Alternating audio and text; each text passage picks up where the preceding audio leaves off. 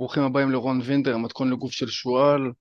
אני עוזר לגברים לעלות חמש קילו במאסה תוך 90 יום מבלי להיות שעות בחדר כושר ומבלי לדחוף אוכל. היום אני רוצה לראיין את אה, גיל שטרן, מומחה בבניית דימוי עצמי חיובי, מנהיגות ותקשורת עם נשים. אהלן גיל, בוקר טוב. אהלן שועל, בוקר טוב, מה שלומך אח שלי? בוקר מצוין, אני מעולה אחי. אה, ספר לנו ככה קצת עליך, תן לנו רקע, איך הגעת לתחום, מה זה, מה, מה זה אומר להיות מומחה?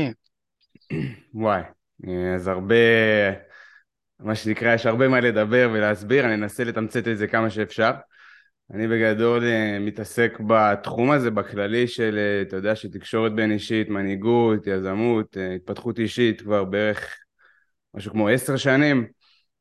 נפגשתי לזה, הייתי עתודאי, נפגשתי בזה תוך כדי התואר כזה, שעכשיו אני, אין לי מה לעשות עם התואר, במגירה מה שנקרא, ותוך כדי התואר באמת הבנתי ככה שזה לא העולם שלי, העולם שלי זה העולם של היזמות. האמת שכבר פגשתי בעולם של הפיקאפ וכל הדברים האלה בגיל 15 וחצי, 16, כן? הייתי, ב... הייתי אז עוד בעמדה כזה של יאללה בא לי חברה, אני פשוט גרוע עם נשים. טוב, אז למדתי את זה איזה חצי שנה, ואז באמת בגיל 16 נהיה לי חברה, היינו ביחד עד גיל 19 אה, ומשהו, ככה שלוש וחצי שנים.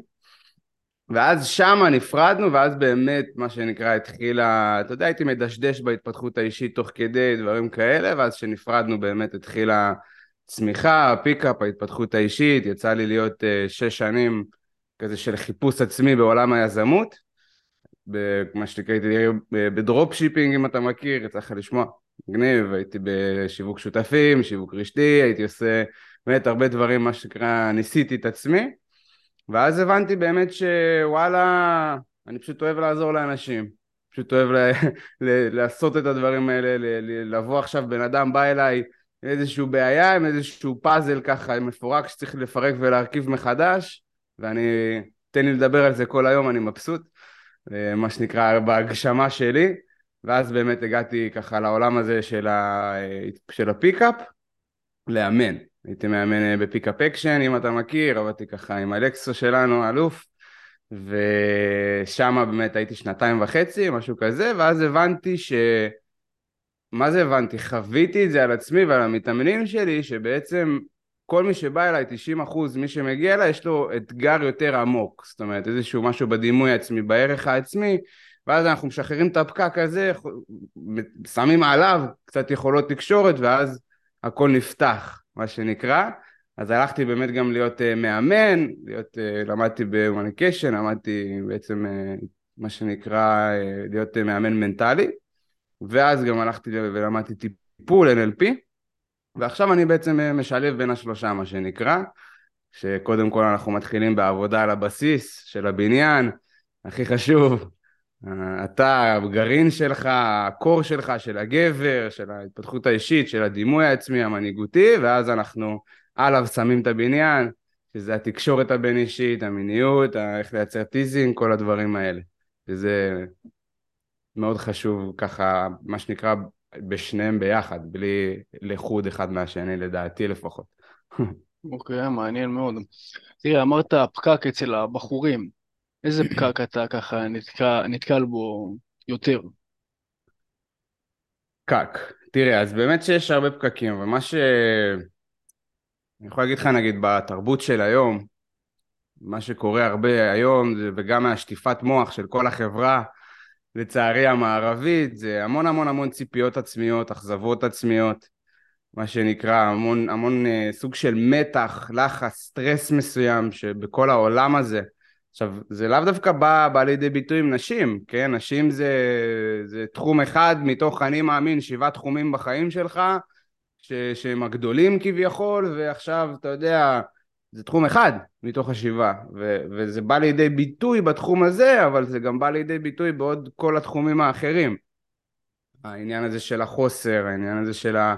אה, בעצם איזשהו סוג של אני עכשיו מחפש בחורה, כי אני רוצה להשלים איזשהו משהו שמשעמם לי בחיים, ולא כי כיף לי בחיים ואני מדהים לי ואז אני רוצה לשתף אותה באושר שלי. אתה מבין? זאת אומרת, יש, יש מאיפה אני בא עכשיו לחפש בחורות. ואז המון גברים היום בעצם מחפשים בחורות מתוך החוסר הזה, מתוך ההבנה הזאת של אני עכשיו משעמם לי בחיים, או יש איזשהו סטנדרטים מסוימים, או ציפיות מסוימות מהחברה, או כל דבר כזה או אחר של אני צריך להיות עם בחורה, מתי להיות עם בחורה, איך זה נכון, לא נכון לעשות את ה dating, ולא איך זה נכון, לא נכון עבורי. אתה מבין? כי לצערי אנחנו איזשהו דור שרוצה מה שנקרא הכל כאן ועכשיו. תן לי הכל כאן ועכשיו. אמ, ואז הם בעצם, זה גם מה שקרה לי שהייתי מאמן פיקאפ, אז הם מחפשים את הטריקים האלה. זאת אומרת, איך אני משדר ביטחון עצמי, או איך אני משדר את הגבר המושך הזה, ולא איך אני באמת נהיה הבן אדם הזה. ואז אני לא אצטרך לעבוד קשה לשדר, כי זה כבר חלק ממני, זה אני. זה יבוא לי בטבעיות. אתה מבין מה אני אומר? כן, איך, איך אתה נהיה כזה גבר שכיף לו בחיים ולא צריך את הבחורה? מה, מה לעשות? אז, אז קודם כל זה תמיד תמיד תמיד לשים את עצמך במקום הראשון. עכשיו זו קלישאה מאוד יפה לשים את עצמך במקום הראשון, אבל העניין הוא ש...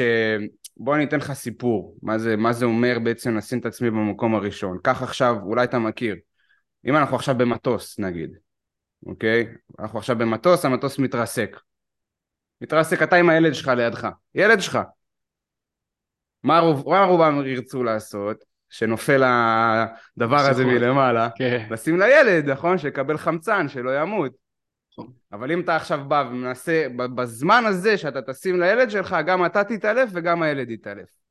אבל אם אתה נכון. תבוא עכשיו תשים לך תוך שנייה, אתה לא תתעלף, הילד שלך אולי יתעלף, אבל אתה תוכל לשים לו חמצן, ואז אתה תציל אותו. וזה לחשוב על עצמך קודם, למה? כי כשאתה בגרסה הכי טובה של עצמך, וכשאתה שם את החיים שלך במקום הראשון, מגשים את עצמך, לוקח אחריות ובעלות על החיים שלך, יש לך תכלית, אתה עושה משהו שאתה אוהב, אתה לא קם כל בוקר כמו זומבי וממורמר וכוס עמק על היום הזה עוד פעם. אתה קם, בואנה איזה יופי, איזה יופי, איזה יום, איזה... אז אתה יכול גם לתת את הגרסה הכי טובה שלך לאנשים אחרים. אם זה לבחורה שלך, אם זה לחברים שלך, אם זה לעסקים שלך, אם זה למשפחה שלך, או כל דבר כזה או אחר. אבל ברגע שאתה ממורמר ואתה לא שם את עצמך במקום הראשון, ואתה נותן לאנשים לדרוך עליך, אתה מרצה אחרים, אתה פועל מאגו. לצורך הדוגמה, אתה נותן לאנשים אחרים להשפיע על המצב רוח הפנימי שלך. איך בן אדם חכם כמוך נותן לאנשים אחרים להשפיע על המצב הפנימי שלו? אתה לא נותן, אתה נמצא ברוח. אתה לא נמצא ברוח. וכל זה לשים אחרים בעדיפות עליונה. למה? כי כשאתה שם אותך במצ... במקום הראשון, אתה לא נותן לבן אדם להוציא אותך מהסנטר שלך נגיד, כי אז אתה שמת אותו במקום הראשון, זאת אומרת הדעה שלו יותר חשובה מהדעה שלך כלפי עצמך. אוקיי, כן, נכון, אני מסכים. האימונים הזה, בואו אם אנחנו יורדים לרמת הפרקטיקה, כי אמרנו הרבה דברים מאוד יפים, אה, אני מאמין שבסופו של דבר הבסיס הזה זה ערך עצמי. עכשיו, ערך עצמי הוא בסופו של דבר מהגישה שלי, מה שאני מאמין, עוד נתן לי לברנדון ו... וכו', מורכב משבעה היבטים. שבעה היבטים שבעצם אנחנו כגבר או בכללי כאדם, במיוחד גברים, צריכים לעבוד עליהם, להתאמן עליהם באופן תמידי. עכשיו, מה זה להתאמן באופן תמידי? זה לא יום אחד אני קם, עושה משהו והופה, טרללה, השתנה לי כל העולם. לא, אתה צריך כל יום להתאמן, להיות מודע לזה ולעבוד על זה. אז הדבר הראשון זה מודעות עצמית. מודעות עצמית, מודעות חברתית, בכללי מודעות. מה זאת אומרת מודעות? אתה רוצה לדעת מה עושה לך טוב, מה עושה לך לא טוב, איפה אתה דופק את עצמך, איפה אתה לא דופק את עצמך. נוכחות, זאת אומרת מודעות זה באמת הבסיס להכל, אני יכול לדבר איתך שעות, אבל זה הדבר הראשון. למה? כי אני חייב להיות מודע לבעיה או אתגר מסוים, או פער מסוים בין הרצוי למצוי, כדי לפתור אותו. אני אתן לך דוגמה, אתה במסה, אז לצורך הדוגמה אני חייב להגיד עכשיו, טוב, אני רזה, או אני שחיף.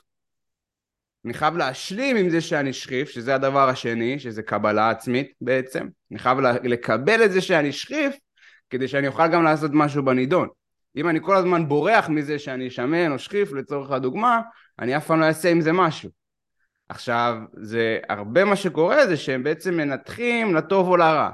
שנייה, המציאות זה לא לטוב או לרע, זה המציאות. זאת אומרת, ברגע שאתה מתחיל לשפוט את המציאות, אתה נכנס לאכזבות, לבאסה, לחוב, ובשנייה יש מציאות. זה המודעות וזה הקבלה. עכשיו, קבלה לא אומר הסכמה. אם אני מקבל משהו, אני, לא, אני רוצה לקבל כדי לשנות. זאת אומרת, אני לא מסכים עם זה שאני שחיף או שמן לצורך הדוגמה, ואז גם אני לוקח אחריות, שזה הדבר השלישי, ועושה שינוי. נכון? אני לוקח אחריות, זה החיים שלי, אף משיח לא יבוא ויתקן לי את החיים, או יבוא ויסדר לי, כאילו, בתור גבר גם, אתה חייב לקחת אחריות, כי הרבה גברים נגיד לא לוקחים אחריות, ואז כשאתה לא לוקח אחריות בחיים, אתה גם לא לוקח אחריות בזוגיות או בדייטינג, ואז בן אדם שלא לוקח אחריות גם ייפול מאוד מאוד בקלות במבחנים שלה, לצורך הדוגמה, והיא היא טובה בזה, לבחון אותך. אוהבות את זה, כן. אבל ברגע שאתה מבין איך לעבור זה נהיה פשוט, כן? אבל זה חלק מהעניין הזה של האחריות הפנימית. הדבר הבא זה לפעול בכריזמה, בעצם, כריזמה לערכים שלך, לנחרצות. לצורך הדוגמה, אתה עכשיו במסיבה, אתה לא רוצה לשתות. אז הפרקטיקה זה לבוא ולהיות נאמן לערכים שלך, להגיד, טוב, חבר'ה, אני לא שותה. אתה יכול לחפור לי פה ו... כל היום, אבל אני לא שותה, כי אני לא שותה, אני לא רוצה. הבנת? הרבה, הרבה גברים ואנשים יפלו בזה, לחץ חברתי או כל מיני דברים כאלה. הדבר הבא בעצם אחרי זה זה תכלית. מה זה אומר תכלית? זה הליבה של הגבר. אוקיי? גבר, מה שמגשים את עצמו זה בעצם תכלית, זה בעצם שאני עושה משהו גדול ממני, שאני מגשים את עצמי, שאני מספק. אישה היא רוצה מערכות יחסים, אהבה, חום, חיבה, אבל הגבר זה תכלית, הוא חייב לדעת שהוא עושה את הדברים בתכלית, אז זה אומר לבוא מוכן. להתכונן לפני זה, ללמוד, לייצר לך חזון, לייצר לך מטרות, לייצר לך, הנה בוא נגיד נשים. מעטים הגברים שאני שואל אותם אם אתה באמת יודע איזה בחורה אתה מחפש. אם רשמת לעצמך איזה מי... עכשיו, לא על פני השטח, איך אתה רוצה להרגיש איתה, איך היא מתנהגת, מה היא עושה, מה החזון שלה, או מי היא, הבנת מה האישיות שלה, מה היא גורמת לך להרגיש, איך אתם חווים ביחד. כל הדברים האלה זה סוג של תכלית, סוג של חזון בעצם לאישה שאתה רוצה. עכשיו אם אתה הולך בלי חזון, או בלי תכלית מסוימת לחיים שלך, איך תגיע לאן שאתה רוצה? עכשיו לרוב אם אתה לא מגיע לאן שאתה רוצה, אז כנראה שאתה תגיע למקומות שאתה לא רוצה. מה שנקרא. צודק. אה, והדבר האחרון זה בעצם באמת אה, אותנטיות, לא הדבר, סליחה, עוד אחד האחרון זה אותנטיות, שזה לדעת הערכים שלך, מה מנהל אותך כאדם, מה מפעיל אותך, מה עושה לך תיק, מה שנקרא. מה מוריד אותך גם, להיות נאמן לערכים האלה, לדעת באמת מי זה אתה, להכיר את עצמך, אה, שזה מה שנקרא באמת בחקר עצמי, חקר של ערכים, הבנה של ערכים, יש לנו ערכים חיוביים, ערכים שליליים, אה, אז אנחנו רוצים לפעול על ידי ערכים שליליים. אה, ערכים שליליים זה בדרך כלל חיצוניים, הסתכלות חיצונית, לדוגמה נגיד פופולריות, לא יודע, זה חוכמת האדישות, אחלה ספר לערכים. אה, פופולריות אז שלילי, למה? כי זה לא תלוי בי. גם אם אני חושב שאני פופולרי, אני לא באמת יכול לדעת מה אנשים אחרים חושבים. אבל זה רעיל כי זה לא תלוי בי. עוד פעם, אנחנו רוצים להחזיר את המקור הזה של הכל תלוי בי. אבל אם לעומת פופולריות נפעל ביושרה, יושרה פנימית, להיות בן אדם ישר, זה תורם, זה תלוי בי. זה אך ורק תלוי בי. זה לא תלוי באף אחד אחר. ואז רגע זה מוריד ממנו את המתח, את הלחץ, את הזה, כי אני יכול לבחור כל רגע לפעול. אם אני תלוי בך, יש לי עוד הרבה יותר מתח. כי אתה זה לא, אתה יכול לעשות מה שאתה רוצה, כל רגע נתון. צודק. והדבר האחרון זה בעצם הנכונות, אה, מה שנקרא, לחשוב חיובי, לתרגל את הדברים האלה, שזה גם לא פשוט. כי הכי קל זה ללכת למדרון של השלילי ולתת לעצמך פטיש בראש מאכזבה עצמית. וזה יותר מאתגר להרים את העט ולכתוב עכשיו תובנות ממה שקרה לי ואיך אני יכול להשתפר מזה. אוקיי. Okay. זה ככה שבעת הדברים העיקריים. יפה, מעניין מאוד, אחי. אה, אמרת חזון וערכים. איך, איזה שאלה אני צריך לשאול את הבחורה כדי לדעת שהיא על אותו חזון ואותם ערכים כמו שלי? אוקיי, okay. אז אני אקח אותך טיפה יותר אחורה, מה שקרה, שזה בעצם אם אנחנו יורדים לפרקטיקה, זה בעצם קודם כל לרשום את החזון הזה של האישה, אוקיי? לרשום את החזון של האישה, איזה, מי האישה האידיאלית עבורי, אוקיי? ואז כשאני רושם מי האישה האידיאלית עבורי, אז אני יכול לרשום התנהגויות. הבנת? איך היא מתנהגת. עכשיו, איך שהיא מתנהגת זה גם בערכים שלה. זאת אומרת, אם היא בחורה אכפתית, לצורך הדוגמה נגיד, סתם אני אומר, כן? יש בחורות שהן ממש לא אכפתיות. שהן כאילו הכי, הכי רעילות, הכי לב, כאילו, ויש גברים שמתחברים לזה, מה אני אגיד לך? סוג של אה, הרס עצמי, לא משנה, אבל בכל מקרה, אם אני אומר אכפתיות, אז אכפתיות לצורך הדוגמה זה ערך עליון. אם אני אומר שהיא בחורה ישרה, נאמנה, זה עוד ערכים חשובים. אבל אני מתחיל, מתחיל, מתחיל במי זה אני. מה חשוב לי? קודם כל החזון שלי לחיים שלי. אם אני רוצה להיות יזם, אם אני רוצה, אם אני עכשיו מעניין אותי תחום הכושר, אני רוצה אורח חיים בריא, לצורך הדוגמה, אני רוצה להשקיע בתזונה, באושר, בכושר, סליחה, בדברים כאלה, אז אם אני אהיה עם בחורה שדוחפת junk food כל היום, או שלא אכפת לה מאורח חיים בריא והיא לא מתאמנת, כנראה שיהיה בינינו איזשהו סוג של קצר קטן. הבנת? עכשיו כמובן שאפשר להתפשר, למצוא את עמק השווה, או זה לא, זה לא דבר ש... מה שנקרא מפוצץ זוגיות על דבר כזה, אבל בתור גבר שמעריך את עצמו, בתור גבר ש, אה, שמנהיג את החיים שלו, כי אני מאמין שכל אחד הוא מנהיג, גם אם אתה, אתה לא צריך תואר למנהיגות, אתה לא צריך, אתה קודם כל מנהיג של עצמך, ובתור זה אתה רוצה מראש לדעת מה אני יכול לשאול אותה, מה אני יכול להתעניין, אני יכול לשאול אותה, אז את מתאמנת? לפי התשובה שלה היא תגיד לי כן או לא, אני יכול לשאול אותה מה, חשוב לך אורח חיים בריא וכאלה? ואז אם היא אומרת לי, אה, תשמע, ככה ככה, אני יכול להגיד לה, אה, תשמעי, לא, לא יעבוד בינינו, וואלה, חשוב לי אם זה מישהי ככה עם אורח חיים בריא. אבל את יודעת מה, את חמודה, אז ניתן לך צ'אנס. עכשיו אני רוצה לראות אם בכלל פתוחה בראש שלה, ל, כן, אתה יודע, לעשות אורח חיים בריא או דברים כאלה. כי היא פתוחה בראש, ווואלה, יש לה את כל הדברים האחרים שאני רוצה, אבל רק הנקודה הקטנה הזאת, היא צריכה לפתח אותה קצת. סבבה, זה כמו זרע שאנחנו יכולים להשקות. הרי מערכת יחסים, זוגיות, זה השקעה לכל דבר, לפי איך שאני רואה את זה. נכון. השקעה אחת החשובות, זה בן אדם שנמצא איתך 24-7. עכשיו, אני בעיקר עובד עם עצמאים, יזמים וכו' בנושא הזה. אז בתור בן אדם כזה אתה לא יכול עכשיו להיות עם מישהי שמראש נותנת לך נורות אדומות.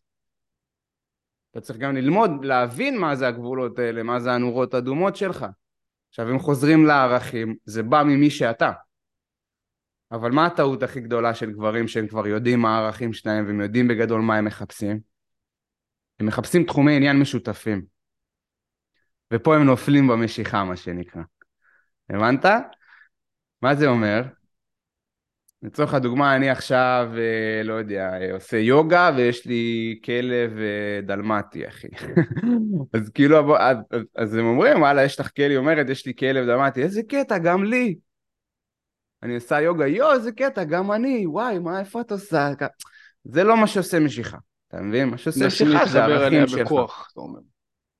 עוד פעם? מנסים להתחבר על הבחורה, להתחבב יתר על המידה כזה. בדיוק. Okay. אוקיי. אז, אז אתה כן רוצה לעשות את החזון הזה, את התכלית הזה, להבין מי אתה מחפש, מה יש לה, יחד עם זאת, אתה, אתה לא רוצה לחפש את המכנה משותף. אם היא אומרת לך, אני עושה יוגה, אז אתה רוצה להגיד לה, פש, יפה, אהבתי, קיבלת חמש נקודות. אתה מבין? ולא, יואו, גם אני, איזה קטע. אבל בסדר.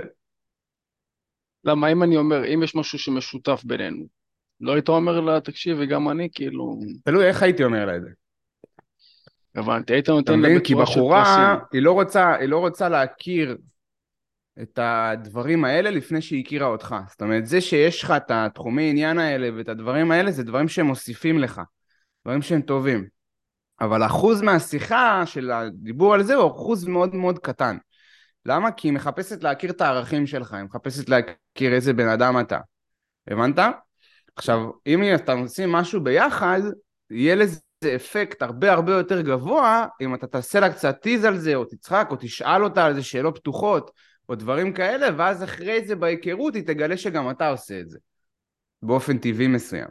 אתה מבין מה אני אומר? יהיה לזה כוח הרבה יותר גדול, מאשר שתבוא לה כמו, כמו אה, בחור שמחפש אה, השווא, השוואות וכאלה, ו- ונידי עליה, ויואו, איזה קטע, גם אני, ופה אני, כי זה... אתה מבין? ללקק, ללקק, ללקק, ובחורות מריחות את זה מקילומטרים. אוקיי, okay, יפה, זה באמת רצית, אה, ככה, זה מחבר אותי לשאלה הבאה, מה זה, מה זה אומר להיות גבר שהוא needy, ואיך לא להיות כזה? אוקיי. אז יש לנו את כל ה simp, needy, כל המושגים האלה וככה וככה, אה, ויש לנו בעצם את כל הסיגמה, אלפא, whatever, כל ה... זה. אבל בגדול, תראה, עזוב עכשיו נשים. כל בן אדם, כל בן אדם לא אוהב שמישהו יושב לו כאן וחופר לו. ו- ו- ונידי וכו', אלא אם אנחנו מדברים על תומכים שהם אנשים שאוהבים חום ואהבה כל הזמן, וכן, תעשי את זה כמה שיותר. אבל זה מעטים, זה 5-10% מהאוכלוסייה. אוקיי? אוקיי. עכשיו, עוד פעם אני אחזיר אותנו אחורה מהעניין הזה של החוסר ושפע. בן אדם שהוא יהיה נידי וסימפ, זה אומר שהחיים שלו בחוסר והוא מחפש את האישה שתשלים את החוסר הזה. יכול רק לתת הגדרה מה זה נידי וסימפ, כי אולי החבר'ה לא יודעים. אוקיי, אז נידי וסימפ זה, זה בדיוק מה ש, שאמרתי, שאתה בעצם רודף אחרי הבחורה. אתה רוצה אותה הרבה יותר ממה שהיא רוצה אותך. רואים את זה גם בטקסטינג או בדיבור או בכל מקרה שהיא כאילו קצת יבשה ואתה דורך על הכבוד העצמי שלך ובכוח מנסה לרדוף אחריה לעורר אותה, לשלוח לה עוד הודעה, עוד הודעה, עוד דברים, לעשות את אותו דבר שלא עבד לך, עוד פעם, הגדרה לאי שפיות, אבל הרבה גברים מאבדים את זה, נכנסים למוד הרגשי בעצם, שזה להיות סימפ ונידי, אתה לא מנהל את הרגשות שלך, אוקיי? ואז הם נכנסים למוד הזה, ובמוד הזה, אני, אני קורא לזה המוד מוד של, מוד, מוד הסערה, אז הם בעצם לא חושבים, הם לא חושבים, הם פועלים מהרגש, אז הם שולחים לה עוד הודעה, ואז הם נכנסים לסרטים, ויואו, ומה אני אעשה ככה, ורגע אני אשלח לה ככה, ורגע שעה לא עניתי לה, אז רגע, אז עכשיו אני צריך לענות לה, אז הוא ככה, ופה ושם, ואיך אני מדבר איתה, ואיך אני ככה, ואם אמרתי את הדבר הנכון, לא אמרתי את הדבר הנכון, הם יוצאים מהנאה בעצם. הרבה חלק מהסימפ ומהנידיות זה לצאת מההנאה שבדייטינג, אחי, מה, מה אתה עושה פה אם אתה לא נהנה? כאילו מה אתה בסילוף עצמי, בהלקאה עצמית, לך תעשה מקלחת קרה כל בוקר, מקלחת קרח, למה אתה צריך לרדוף אחרי בחורות שלא רוצות אותך? אתה מבין? עכשיו, העניין הוא עם זה, ואתה יודע, אני גם תוך כדי ככה מרכיב את המילים, אבל העניין הזה זה של בעצם באמת לחזור רגע ולהתמקד בעצמך. אתה מבין? באמת לחזור רגע ולבנות את החיים שלך, שיהיה לך חיים שאתה אוהב, שאתה יכול להגיד וואלה, עכשיו הבחורה שתהיה איתי, תהנה מהשפע הזה, ולא אני אקח לה מהשפע שלה להשלים לחיים שלי. הבנת? אוקיי. זאת אומרת... כן. איזה, איזה פעולות uh, גברים אצלך אתה רואה בקליניקה שעושים, או באיפה שאתה mm-hmm. באמת uh, מעביר אותם, מה, מה הם עושים שהם יוצאים נידים? לך איזה שתיים, שלוש פעולות כאלה? כמובן, בטח. Uh, קודם כל, מה שנקרא, uh, זה הדבר העיקרי עיקרי, זה שהם באמצע העבודה, באמצע דברים של החיים שלהם, באמצע האימון, לא יודע, באמצע זה שהם צריכים להיות מרוכזים, והם פשוט מחכים לטלפון. מחכים להודעה שלה, עוזבים הכל ועונים לה ישר. עכשיו, העניין הזה של texting, מתי לענות, לא לענות, עוד פעם, זה מתחיל מזה. תענה מתי שאתה פנוי, אבל באמת פנוי. לא עכשיו אתה עם משפחה ועונה לה, או וואי וואי הטלפון ענתה לי, לא ענתה לי. עניינים, אתה מתאים את ה texting שלך לחיים שלך, לא לחיים שלה. אוקיי? זאת אומרת, גבר מתאים את עצמו לחיים שלו. זה הדבר השני, להתאים את עצמך לחיים שלך. מה זה אומר? אתה מדבר איתה, ה texting, ה dating, ה dating, ההיכרות, השיחות שתעשו, כל הדברים, לפי הלו"ז שלך, מה שאתה יכול. לא לפי מה שהיא יכולה. מה זה אומר? הרבה גברים אומרים, מה, מתי ניפגש? מתי את יכולה? מתי זה? זאת אומרת, זה בחוסר כריזמה כזה של, תקשיבי, אני פנוי ביום אה, חמישי וביום שישי, ביום חמישי שעה שמונה, שישי שעה 12, מתי נוח לך? זה כריזמה. אבל לשאול אותה עכשיו באופן פסיבי, מה, מתי את פנויה? מה, מתי נראה אותך? מתי... אתה יודע, כל הדברים האלה זה, זה פשוט חוסר כריזמה בעליל. אז זה הדבר הראשון, אה, סליחה, הדבר השני, באמת, לנהל את עצמך לפי הלו"ז שלך, לא לפי הלו"ז שלה. אני אתן ככה עוד דבר אחרון, עוד איזה צ'יקן נגט, לגבי הסימפ הזה האחרון, תשמע, הרבה גברים הולכים על ביצים ליד נשים. כן, הולכים על ביצים, מה זה אומר? זה אומר, אני קורא לזה מגרש הכבדות.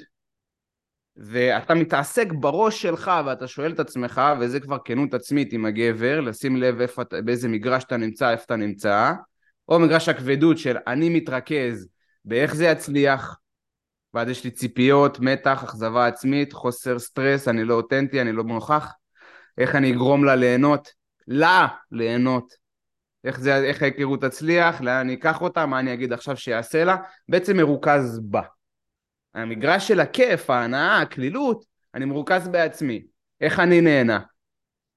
מה אני אעשה עכשיו שיעשה לי את זה? וואלה. מה אני אעשה עכשיו שיהיה לי כיף לעשות איתה? היא כבר שלי, היא יודעת את זה? אתה מבין? זאת אומרת, כל התודעה הזאת של איפה אני נמצא, אני מרוכז עכשיו בהנאה ולהיות נוכח ולהיות ברגע וליהנות, להסתכל עליה, על הבן אדם שעומד מולי. ואז כשאני נוכח אני יכול לפענח דברים, אני יכול לראות אותה פתאום משחקת כזה עם השיער ועם השפתיים ולהגיד לה מה זה אמא שלך, מרשה לך ככה לפתות אותי? אתה יודע, אני יכול לשים לב אחי לדברים, אבל כשאני תקוע בתוך הראש שלי אחי, בסטרס, במוח האנליטי, בזה, אז אני לא... אני חושב על מה להגיד, ואז אני לא נוכח, אני לא שם, אני לא טבעי, אני איזושהי דמות מתוחה כזאת שמקווה ליהנות אבל בעצם מרצה אותה. אז איך אתה נהיה בעצם יותר נוכח ויותר נהנה מהאינטראקציה, למרות שאתה מת מפחד לגשת אליה וכן הלאה. תראה, הטיפ הכי פרקטי, אם אנחנו לוקחים את זה הכי הכי הכי הכי פרקטיקה, זה נשימה. תהיה, תתחיל להבין שנשימה זה הכלי הכי חזק בחיים. למה? כשאתה לחוץ עכשיו, או כל דבר כזה או אחר, או שאתה משנה פאזה בהרגשה שלך, או משהו כזה, אם תשים לב טוב טוב, אה, מה שמשתנה לך זה הנשימה. אם אתה לחוץ אתה נושם מהר יותר. אם אתה זה, אז לא, לא נושם בכלל, או קצרים. אנחנו רוצים דרך האף לבטן, זה באמת הכי פרקטי. מעטים יישמו את זה, אבל זה אחד הכי פרקטי שיש.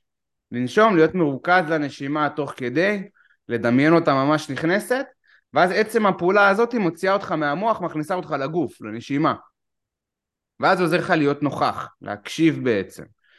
עוד פעם, אם אתה נכנס למוח האנליטי הזה, למה להגיד, וטה טה טה טה ככה וכל הדברים האלה, אחי, תתחיל לזמזם שיר בראש.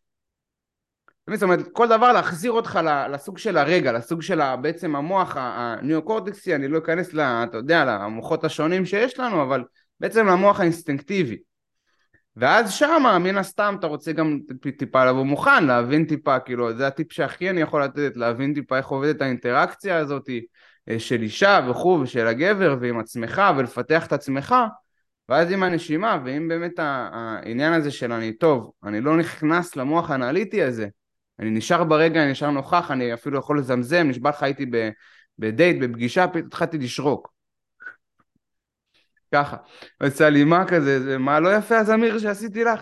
כאן אתה לוקח את זה לצחוק אחי, אתה מבין? אבל העניין הוא להחזיר את עצמך לכאן, כי ברגע שאתה נכנס למוח האנליטי, זהו, אתה מתחיל, אתה, אתה בסטרס, אתה, אתה מתחיל אה, ככה לחזור לכך. ולפני דייט, או לפני פגישה, או כל דבר כזה או אחר, אני בדרך כלל רושם לי שלושה דברים עיקריים בגדול שאני רוצה להעביר. למה? כי כשאתה נכנס למוח האנליטי הזה או כל דבר כזה או אחר ואתה יוצא אז אתה רוצה לדעת במה להתמקד.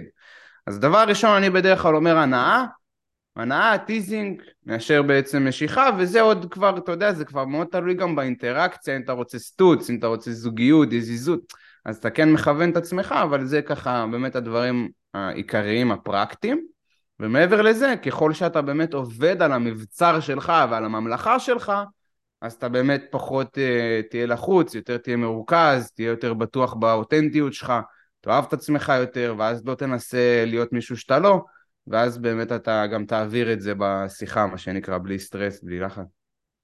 מעולה, כשאתה אומר נשימה, אז לנשום לפני השיחה, תוך כדי לקחת נשימה ארוכה. כל הזמן, אחי. אני תוך כדי שעכשיו שאני מדבר איתך, 20, 10, 20 אחוז הולך לי תשומת לב לנשימה. אתה מבין? ואז אני כאן, אני בחדר, אני כאן, אני נוכח. אני לא חושב עכשיו על מה היה לי אתמול, מה היה בקריסטס, מה ככה, עניינים, דברים, מה יש לי מחר, מה פה, מה יש לי אחרי, כאלה. אני חושב על הנשימה ועליך, יש לך פרצוף יפה אז אתה יודע. תודה רבה, תודה רבה אחי. אה, כן, זה לא לקחת עכשיו, אתה יודע, נשימה עמוקה כאילו אני הולך לצלול, כן? לא, נכון. לא, אם לא, אתה לא, מרגיש את הלחץ הזה בחזה ואת הבום בום ואתה יודע עכשיו את ההתרגשות הזאת או את החרדה טיפה עולה כזה דופקת בדלת אז כן אז אתה יכול מה שנקרא לנשום רגע עמוק להיות מודע אתה זוכר שדיברנו על המודעות?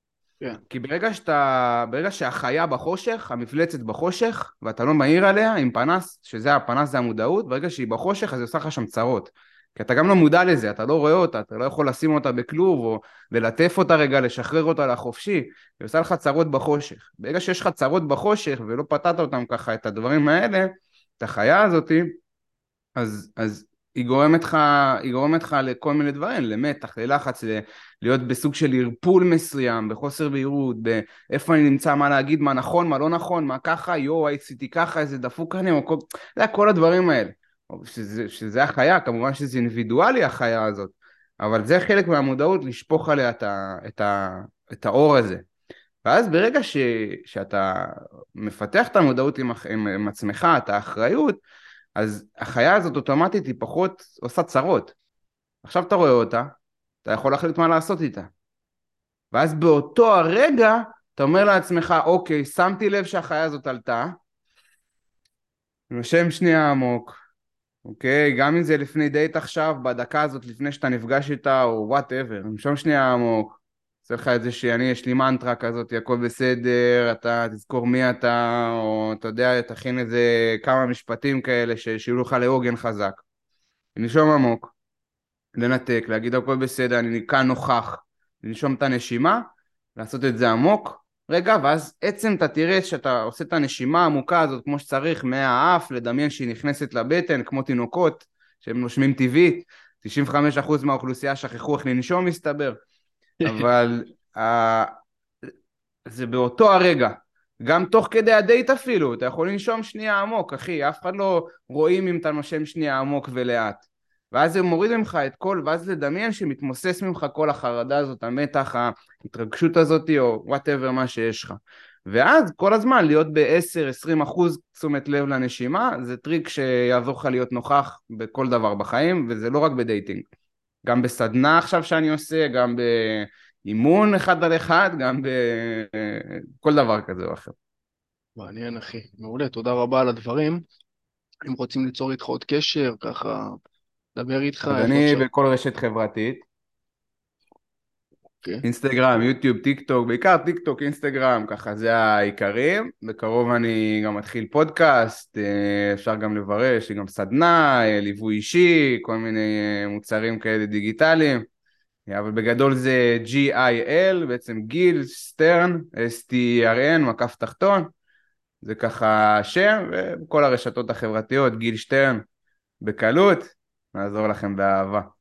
יאללה, מעולה, תודה רבה גיל. נעשה ככה מה שנקרא סוויץ' לעניין של המסה, שאלות של מסה. אה, שוט, שדר אליי מה שבא לך. אז אני אקח אותך ככה, גם סוג של כזה למצב ש, שלי, וגם uh, בכללי ככה, דווקא יותר לאנשים שמתחילים. בוא נגיד, אתה עכשיו מתחיל, עכשיו, מה זה מתחיל? זאת אומרת, בוא נגיד עכשיו היה לך פציעה מסוימת, סבבה, עברת פיזיותרפיה, ככה, זה אני יודע על עצמי, שעבדתי פיזיותרפיה אחרי פציעה וכו', ועכשיו רוצה לחזור לפתח בעצם באמת מסה, לפתח גם, אתה יודע, את המוביליות, את, את הגמישות הזאת, מה... זאת אומרת, ממך, מה אתה צריך לעשות עכשיו, אם אתה באמת אחרי מצב כזה שהרבה זמן לא נגעת, להתחיל לחזור עכשיו לחדר כושר במטרה באמת לפתח מסה, שרירים. אוקיי. תראה, בן אדם שמגיע מפציעה הוא צריך אה, לעשות את הדברים האלה לאט לאט עם פיזיותרפיסט. אני מתאר לעצמי שאתה עובד עם פיזיותרפיסט והוא עוזר לך ככה לתנועה נכון. שתהיה מלאה יותר. אז זהו, אה, אז היית עם פיזיותרפיסט, עשית כבר, בוא נגיד, הדברים כשירים, אתה יכול להתחיל לבנות את הבניין. הבסיס, אוקיי. uh, הבסיס קיים. אוקיי. אז uh, לאט לאט, אם... דבר ראשון, להבין איפה אתה רוצה להתאמן. האם זה בחדר כושר בכלל? האם זה באימונים בחוץ? היום כבר נהיה כל מיני מתקנים בחוץ שאתה יכול אה, ללכת ויש שם משקולות בנויות. אני גר כן, בקריית מוצקין. זה מה שאני עושה, וואלה, זה חזק. כן, אתה, מה, בחותרים יש את זה בטיילת? עכשיו אני, עכשיו אני האמת בפתח תקווה. פתח תקווה. ויש לי פה ליד, ליד הבית פארק ענק, יפה. תענוג. עם משקולות כאלה, נכון? משקולות built-in אה, כזה. יותר street workout כזה? street, אה, אוקיי. לא ב street, אבל... מעולה. אז זה דבר ראשון, תשאל את עצמך איזה תחום אתה רוצה. street, אה, חדר כושר, נגיד אצלך זה ה street יותר, נכון? hmm? אוקיי. אז פשוט אה, יש, אה, בוא נגיד ככה, בשבוע צריך להתאמן לפחות מינימום ארבע פעמים בשבוע, כן? כדי לראות, אה, בין שלוש לארבע פעמים כדי לראות תוצאות אה, בטווח הארוך על המסת שריר. לארגן לעצמך פשוט את כל, הק... את כל השרירים שהם, בין אם זה כתפיים, חזה, רגליים, ממש לרשום לעצמך את כל השרירים הגדולים המסיביים, ואז להתחיל לחלק אותם בין ארבעה אימונים. איך מחלקים אותם? כל שריר שהוא צריך לעבוד בין עשר לעשרה סטים. יודע מה זה סט, נכון? כן. אוקיי. זה באמת תראו שזה ההיפרטרופיה, שזה העלאת אה, מסת שריר בצורה המיטבית ביותר לפי דוקטור אה, שונפלד. זה באמת המוח של התחום הזה. אז הוא יראה שזה בין 10 ל-20 סטים. זה בקטע של האימונים. עכשיו. סטים או חזרות? 10 עד 20 סטים. סט, אוקיי. זה, יש הרי סט, יש חזרה. לכל שריר כביכול? לכל שריר בין 10 ל-20. כן. מעניין, אוקיי. כן. עכשיו, יש סט ויש חזרה. נגיד כן. הרמתי, אה, סתם דוגמא, הלכתי לסטריט ועשיתי מתח, אז עשיתי 10 חזרות, זה סט אחד, אחרי זה עוד 10 חזרות, זה סט שני, אחרי זה עוד 10 חזרות, סט שלישי. על פניו נשמע פשוט, נכון? בין 10 ל-20, נשמע על הכיפאק, נשמע באמת פשוט. העניין, שצריך כל פעם לגרות את השריר עוד ועוד. אם אתה תעשה עכשיו 10 מתח, 10 מתח, 10 מתח, במשך שבוע, שבועיים, חודשים, שנים, הגוף מסתגל לזה ואתה עושה דבר שהוא לא טוב. למה? אומנם, אתה יודע, אתה אומר לעצמך, מה, אני, מה, אני מתאמן וזה, מה, מה לא טוב, איך לא טוב. אני אומר שזה לא טוב מהסיבה שאתה עם הזמן, אתה מתחיל להתבגר ומזדקן, העצמות שלך נהיות חלשות. ואם אתה לא Mm. תיתן גירוי לשריר שידחוס על העצם, העצם בסופו של דבר יכולה גם להישבר בגיל מאוחר יותר ולגרום כן. לנפילות. אז בכל דבר, אחד מהעקרונות של, הח, של, הח, של החינוך הגופני הוא תמיד לתת עוד גירוי על העצם.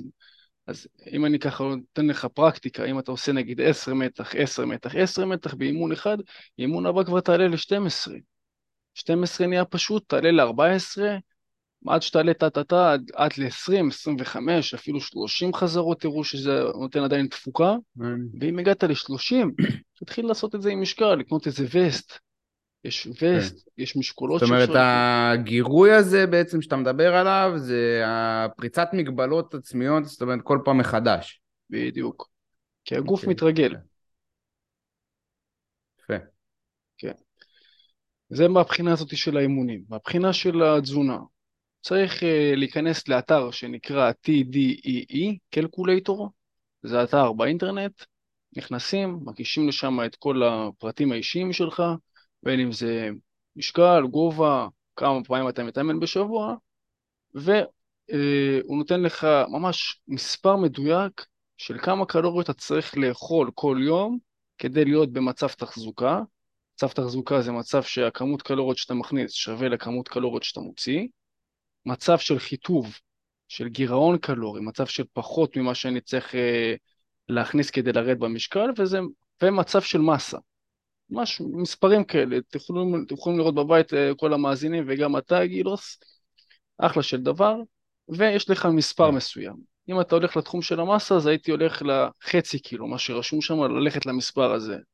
ברגע שהלכת למספר הזה, אתה אומר, אוקיי, בדרך כלל זה יהיה אזור ה-3,000, בין 2,700 ל-3,200 ממוצע. ברגע שאתה הולך למספר הזה, אתה פשוט צריך להתחיל להכניס את זה כל יום. עכשיו מתחיל המשחק. איך מכניסים את זה כל יום? כי זה... וואלה. עקביות. משמעת עצמית ברזל. כן, כן, אתה מבין? זה? גם, משמעת עצמית, גם התמדה, ויש גם עוד כל מיני, מרכיבים כזה, ככה שיעזרו לך למסת שריר. אז אה, בוא נתעסק בעוד מרכיבים שיעזרו לך, זה נגיד שמונה שעות בטון, כל לילה, לישון. כי השריר נבנה דווקא ב, במנוחה, במנוחה, כן. במנוחה, לא באימון, באימון אתה פוצע אותו, אחרי זה הוא נבנה. זה נקרא מושג פיצוי אסף בתחום הזה של הפיתוח גוף. כל פעם אנחנו רוצים לפצות בשינה ובהתאוששות ובתזונה נכונה על מה שעשינו באימון. אז אנחנו מפצים כל פעם. עכשיו, אם לא נפצה, אם לא נשען את השמונה שעות כל לילה, פשוט מה שיקרה, יכול לקרות אה, ביצועים מופחתים, אה, פציעות, ואנחנו לא רוצים להגיע למצב כזה, לכן כל הזמן אנחנו צריכים ללכת לישון את השמונה שעות. עכשיו, אנשים יבואו ויגידו, מי, שמונה שעות, אני בלחץ, אתה גם בטח עובד עם יזמים, עצמאים, אין זמן לנשום, נכון? כן, זהו, אז באמת זה גם אה, מקשר אותי לשאלה הבאה. בטח. אה, של היזמים, עצמאים, איך באמת לשלב את כל העניינים האלה בלוז, ומה שנקרא להיות אפקטיבי ותכליתי, ולא דווקא, אתה יודע, כי יש כאלה שעושים עושים אבל לא עושים. אוקיי. מבחינת אה, אפקטיבי ותכליתי, כן, אני מסכים. אוקיי, סבבה, אז בואו ניקח בנקודות האלה ארבע אימונים בשבוע, פשוט לשים את זה בקלנדר. אנשים שהם יזמים עצמאים, שים בקלנדר. אתה עובד עם, תאר לעצמי עם לוח, נכון? אם אתה לא עובד כן. ככה מהרגע לרגע. שלא ביומן לא מתבצע. מה שכתוב קורה בדרך כלל. נשים את זה שם. שים לעצמך ככה עד שעה באימון, של אימון כוח מסיבי, שאתה מגרה את השריר, בדיוק כמו שאמרתי, ולפחות ארבע פעמים בשבוע. מעניין, אתה אומר עד שעה.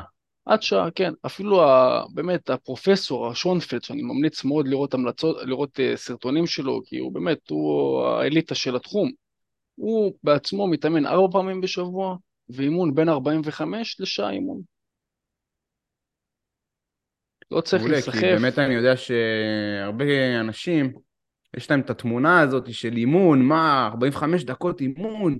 לא, שעה וחצי, שעתיים לפחות, שנרגיש שעשיתי משהו. אבל לפעמים זה יכול לגרוע בעצם. נכון. תראה, רוב האנשים שמתאמנים שעה וחצי, שעתיים, באים אה, למכון ובאים, אה, אתה יודע, פקה פקה דיבורים עם אנשים. מתחילים לפטפט שם. כן. מה העניינים, מה איתך, איפה אתה, איך גדלת, מה אתה עושה בחיים, מתחילים אה, קשרים, כאלה. עכשיו השאלה, אתה בא להתאמן או שאתה בא להסתלבט? חד משמעית. וואי, אני, אני, אם אני מתאמן ובן אדם מה מדבר איתי, אחי, אני, אני מניאק. אני מניאק. כן, אתה מבין, אתה עם פרצוף קשוח. באמצע האימון, אל תדבר איתי. כן, אתה רוצה לבוא להתאמן, אחי, מה...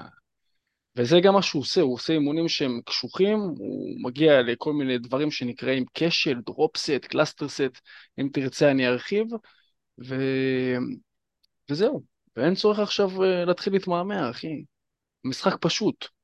פשוט, מה שפשוט זה יותר ליישם, כמו כל דבר בחיים. כן.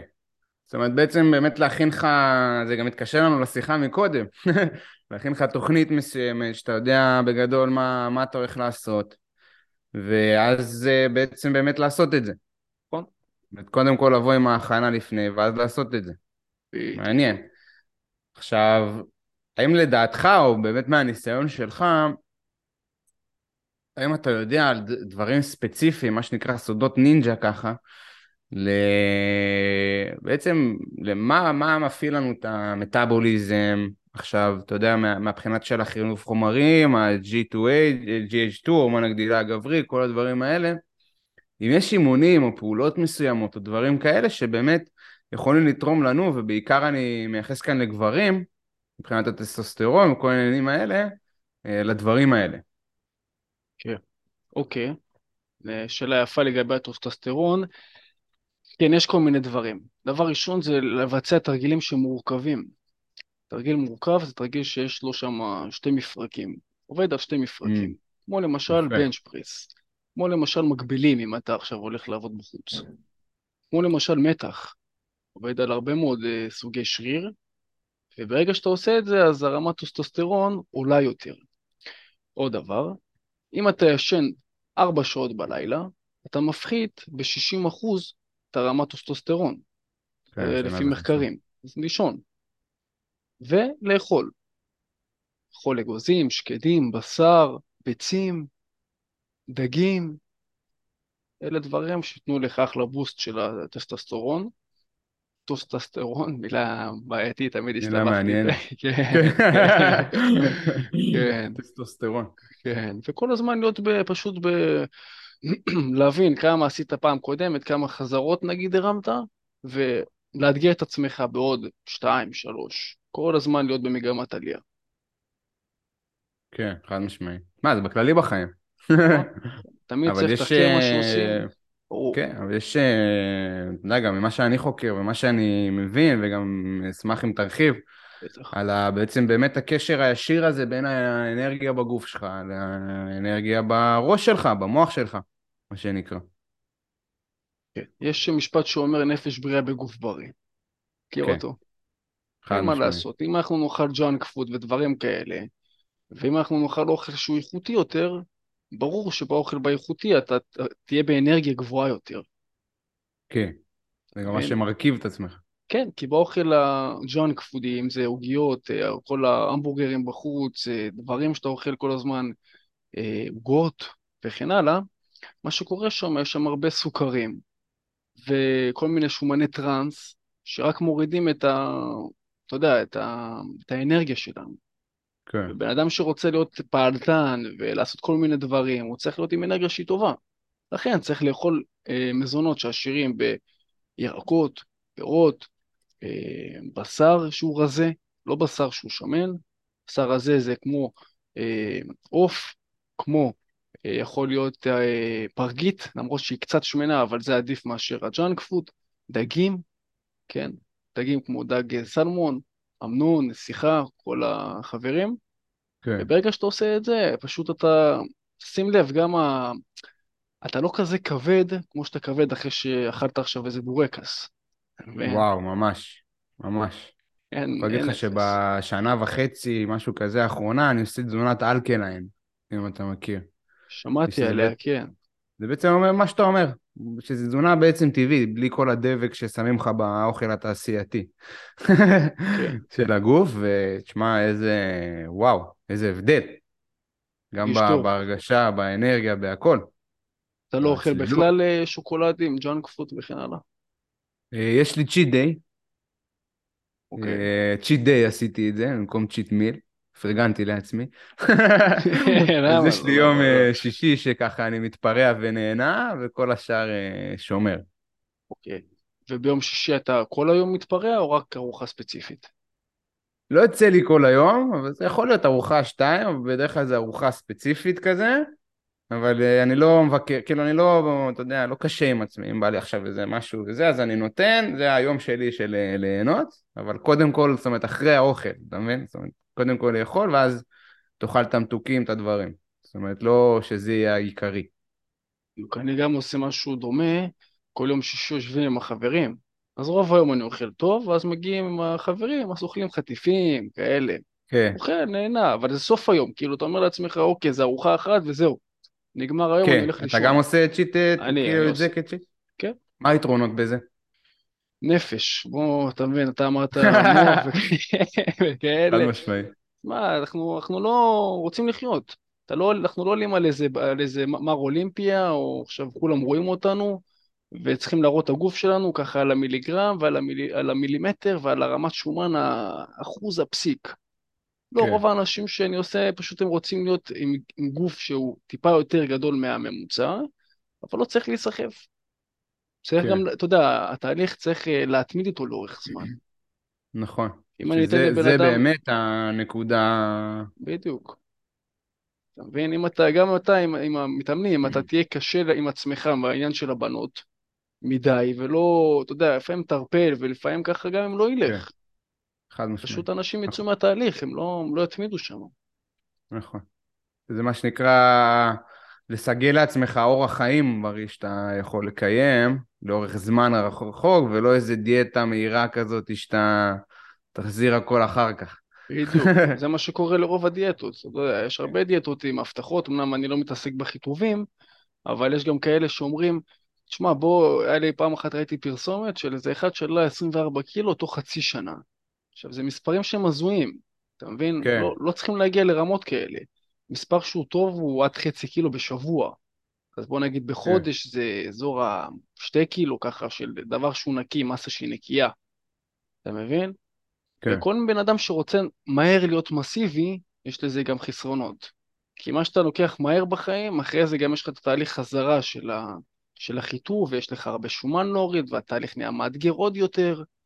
אז צריך uh, פשוט כן. לפעול או לבד, או לפעול עם בן אדם שיש לו את התוצאות שאתה רוצה, והוא יעזור לך uh, לחסוך כאבי, זמן, כאבי לב, זמן, אנרגיה. זה תמיד הצ'יט קוד, מה שנקרא.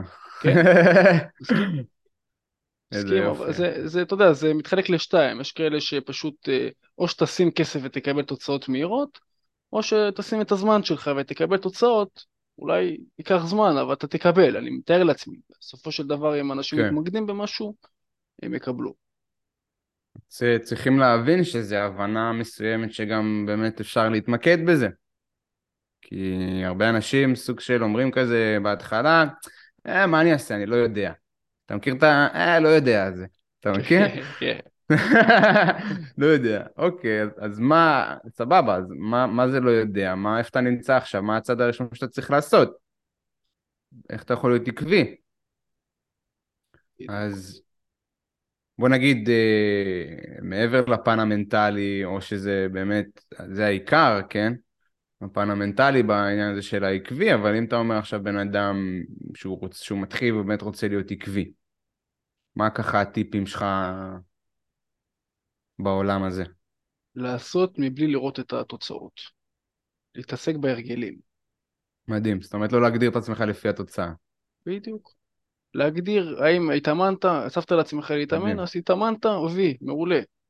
עשית את זה ארבע פעמים, מעולה, וי, וי, וי, וי, ארבע פעמים. כן. אפילו, אתה יודע, לתת איזה, אם אתה רוצה ממש ככה, להיות אה, פדנט ולהגיע מהר יותר, לתת לעצמך עונש או פרס. אם לא עשית את זה, איך אתה נענש? אם כן עשית את זה, איך אתה, מה אתה מרוויח ככה? מה אתה, רק מהמחשבה שאתה עומד לקבל את הדבר הזה, אתה מתלהב. זה Mm. לאלה שאתה יודע, מה שנקרא אקסטרים. כן. אבל, וגם, אתה יודע, להתחייב ציבורית למרות לאנשים, שהאדם מושתת על כאב ועונג בסופו של דבר, נכון? אבל יש כאלה שבאמת לוקחים את זה לקיצוני ואז אה, האפקט יותר חזק. ברור. תשמע, אם אתה בעצם- נגיד סתם, אתה נגיד לא מבסוט עם הגוף שלך, ואתה מתחייב לבן אדם, גם אם אתה שם לו כסף על ליווי, וגם אם אתה לא משלם על ליווי, אלא אומר לחבר שלך, תקשיב, גיל, אני עוד כמה חודשים, שלושה חודשים, אני עולה חמש קילו. מה יקרה אם לא? ואתה יודע, שים לעצמך, תהיה גבר, ותשים סכום מסוים שיכאב לך. ואז אתה תגיע. לכל אחד יש את המקור הפנימי הזה של הבעירה. אתה מבין? כן, כן. זאת אומרת, לייצר לך איזשהו סוג של, אה, נקרא לזה התחייבות מסוימת לגבי עצמך. כן, מה, מה יקרה אם, אם לא תגיע לזה? כן. גם היה לי לא מזמן ככה דיון עם אחד החברים, שאמרתי, וואלה, תשמע, אני הרי קיבלתי ככה, עבדתי על גוף, וקיבלתי גוף שהוא באמת, אה, הוא בסדר גמור, לאחד שהוא עבד חמש-שש שנים בתחום, אבל אתה לוקח אותי, עבדתי על זה אזור השש שנים, מאחורה. זאת אומרת, לא היה לי התחייבויות, לא היה לי, אתה יודע, לא, הייתי באזור הצבא כזה לפני הצבא, ואין לך יותר מדי התחייבויות, אז אתה אומר, יאללה, בוא, פרי סטייל. אז שם כן. אין בעיה, הכל טוב, כאילו אין התחייבויות, הכל בסדר. אבל כשזה מגיע עכשיו לאנשים שהם כבר בני 25-30, שהם רוצים את התוצאות כאן ועכשיו, אין לך את הזמן הזה. אתה מבין? יש לך פה... יש לך זמן, השאלה מתי תקבל. אתה מבין? כן, יש לך גם יותר מחויבויות, יותר התחייבויות, יש לך פתאום עבודה. אתה מבין? כאילו אתה מתחיל להיות מוגבל בכמות זמן, כי אתה צריך להיות ממש אה, חדור על זה. להיות ממוקד, מה שנקרא. זה כמו, בדיוק, זה כמו אצלך. אתה התחלת עם חד זה משמעית. בגיל 15-16, נכון? כן. מה? עוד אותו פעם? דבר. לא, לא היה לך את יותר מדי, אף אחד לא רדף אחריך, לא היה לך לחץ של חתונה, נכון? כאילו 15-16, מי חושב על זה? אז אתה עושה פרי סטייל. היה לחצים אחרים מהחיים, כן? עברנו לגור לבד, ואתה יודע, עם החלטה בסרטן, אבל לא כל כך בתמונה, עניינים, אבל לא את הלחץ הזה, כן. בדיוק, אתה מבין? וזה זה באמת מה שאני אומר, אם אה, באמת אין לך לחץ של התחייבויות, לא צריך להביא, בוא נגיד, כסף, לא צריך גוף ככה כאן ועכשיו, הכל טוב. תקרא, כן. ת- תעבוד, יש הרבה מה ללמוד, בטח. כן, למרות שעכשיו אני כבר לא קורא לזה לחץ, אני קורא לזה אחריות, אבל אה, בסדר. מעניין, אז. בעצם אתה אומר, ככה נסכם, אתה אומר בעצם ש... וזה, האמת שזה מדהים, כאילו, כי זה די מאוד, אה, בכללי מה שאני דוגל בו, וגם מתחבר לעולם של אנשים, שזה בעצם העניין הזה של להתנתק מהתוצאה ולהיכנס עמוק יותר לשיטה ולבן אדם. זאת אומרת, להתייחס באיזה בן אדם אני רוצה להיות, אורח חיים בריא, מתאמן, כאלה, ואז מתוך זה להתרכז בשיטה ובמה בן אדם כזה עושה, ואז אתה אומר, ומה שכבר כאילו בעצם קורה זה שהתוצאות זה תוצר לוואי כבר ממה ש... מהשיטה ומאיזה בן אדם אתה. בדיוק. זה גם ב... בעיקר בכושר, נכון? אתה צודק, וגם בנשים וגם בכל החיים.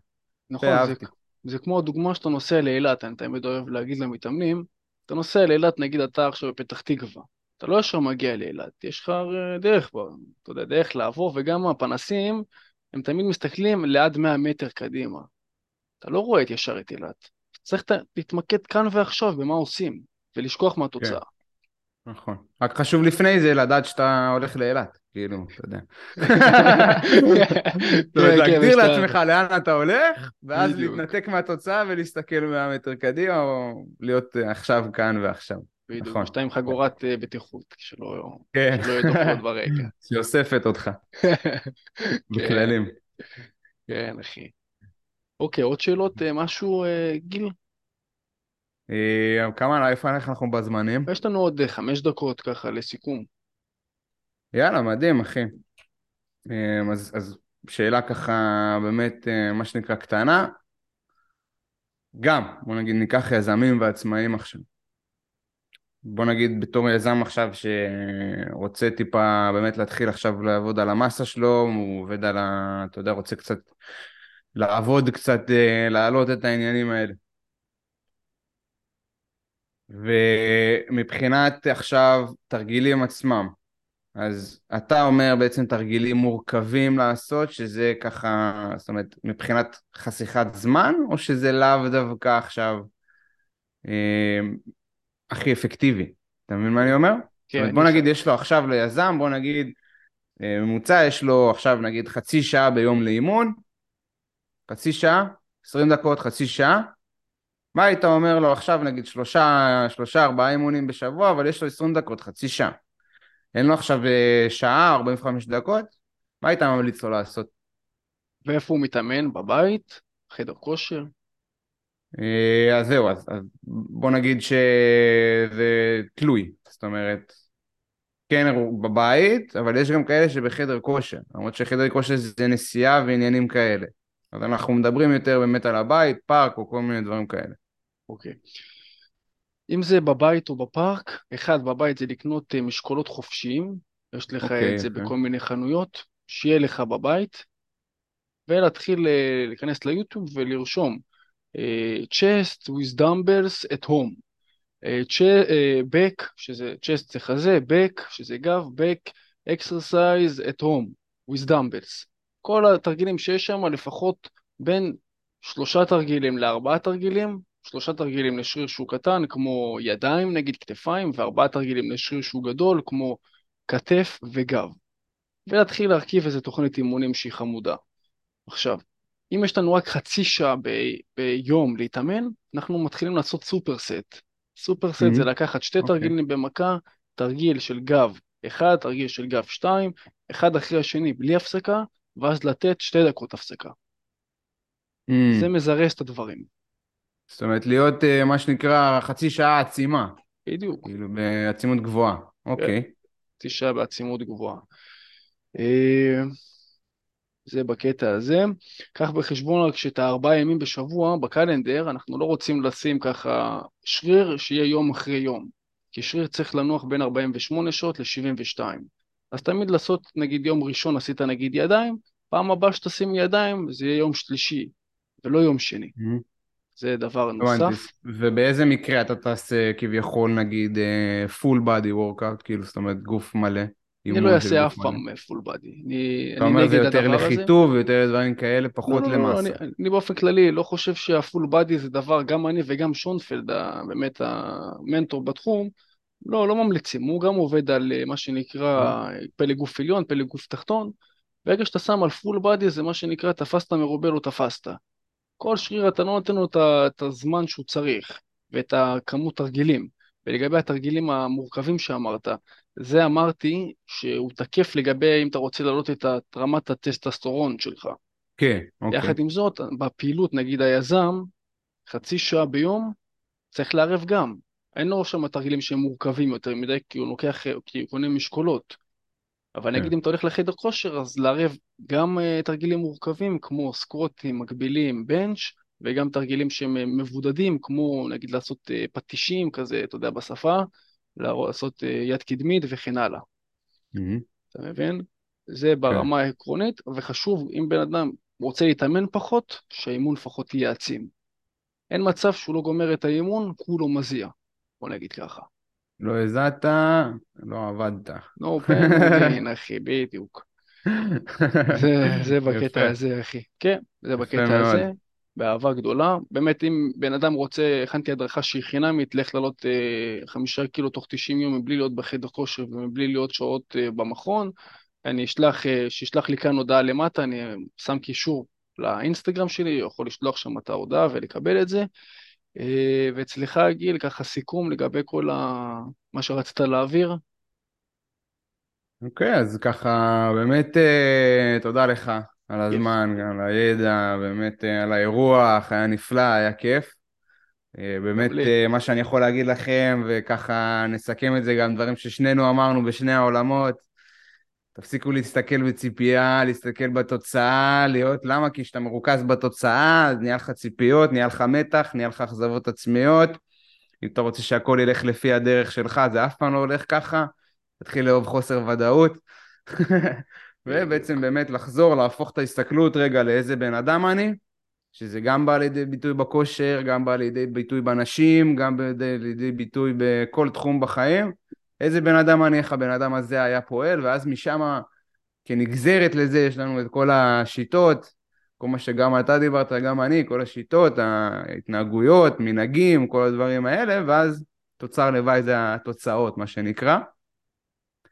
מי שרוצה ככה ובא באמת מהפודקאסט, אז בכיף, תשלחו לי הודעה באינסטגרם, אני אביא לכם, אה, יש לכם אופציה משלושה בונוסים לבחור, אחד זה בעצם במשיכה, מה שנקרא כל מה שקשור למשיכה, מה יוצר משיכה, מה לא יוצר משיכה וטיזינג, השני זה בגרות רגשית, בעצם איך לנהל את הרגשות שלנו, לשלוט על הרגשות שלנו, לנהל את הרגשות שליליים, לנצח סטרס ולחץ, והשלישי זה בעצם אה, ככה איך ליצור מנהגים, רוטינות, לכבוש את היום לפני שהוא התחיל, לנצח אותו בלילה, לאפס את עצמך וכו', אז ככה יש לכם בחירה מבין השלושה, מוזמנים בכיף לשלוח לי הודעה, והיה לי כיף. בכיף, בכיף, גיל, תודה רבה. למדתי הרבה, אחי. שיהיה לנו המשך שבוע מצוין, אלוף. שבוע חזק ושנה חזקה, אחי, שנה שנה חזקה. חדשה. שנה חזקה. ביי ביי, אלוף, ביי ביי. יאללה, שבועיים.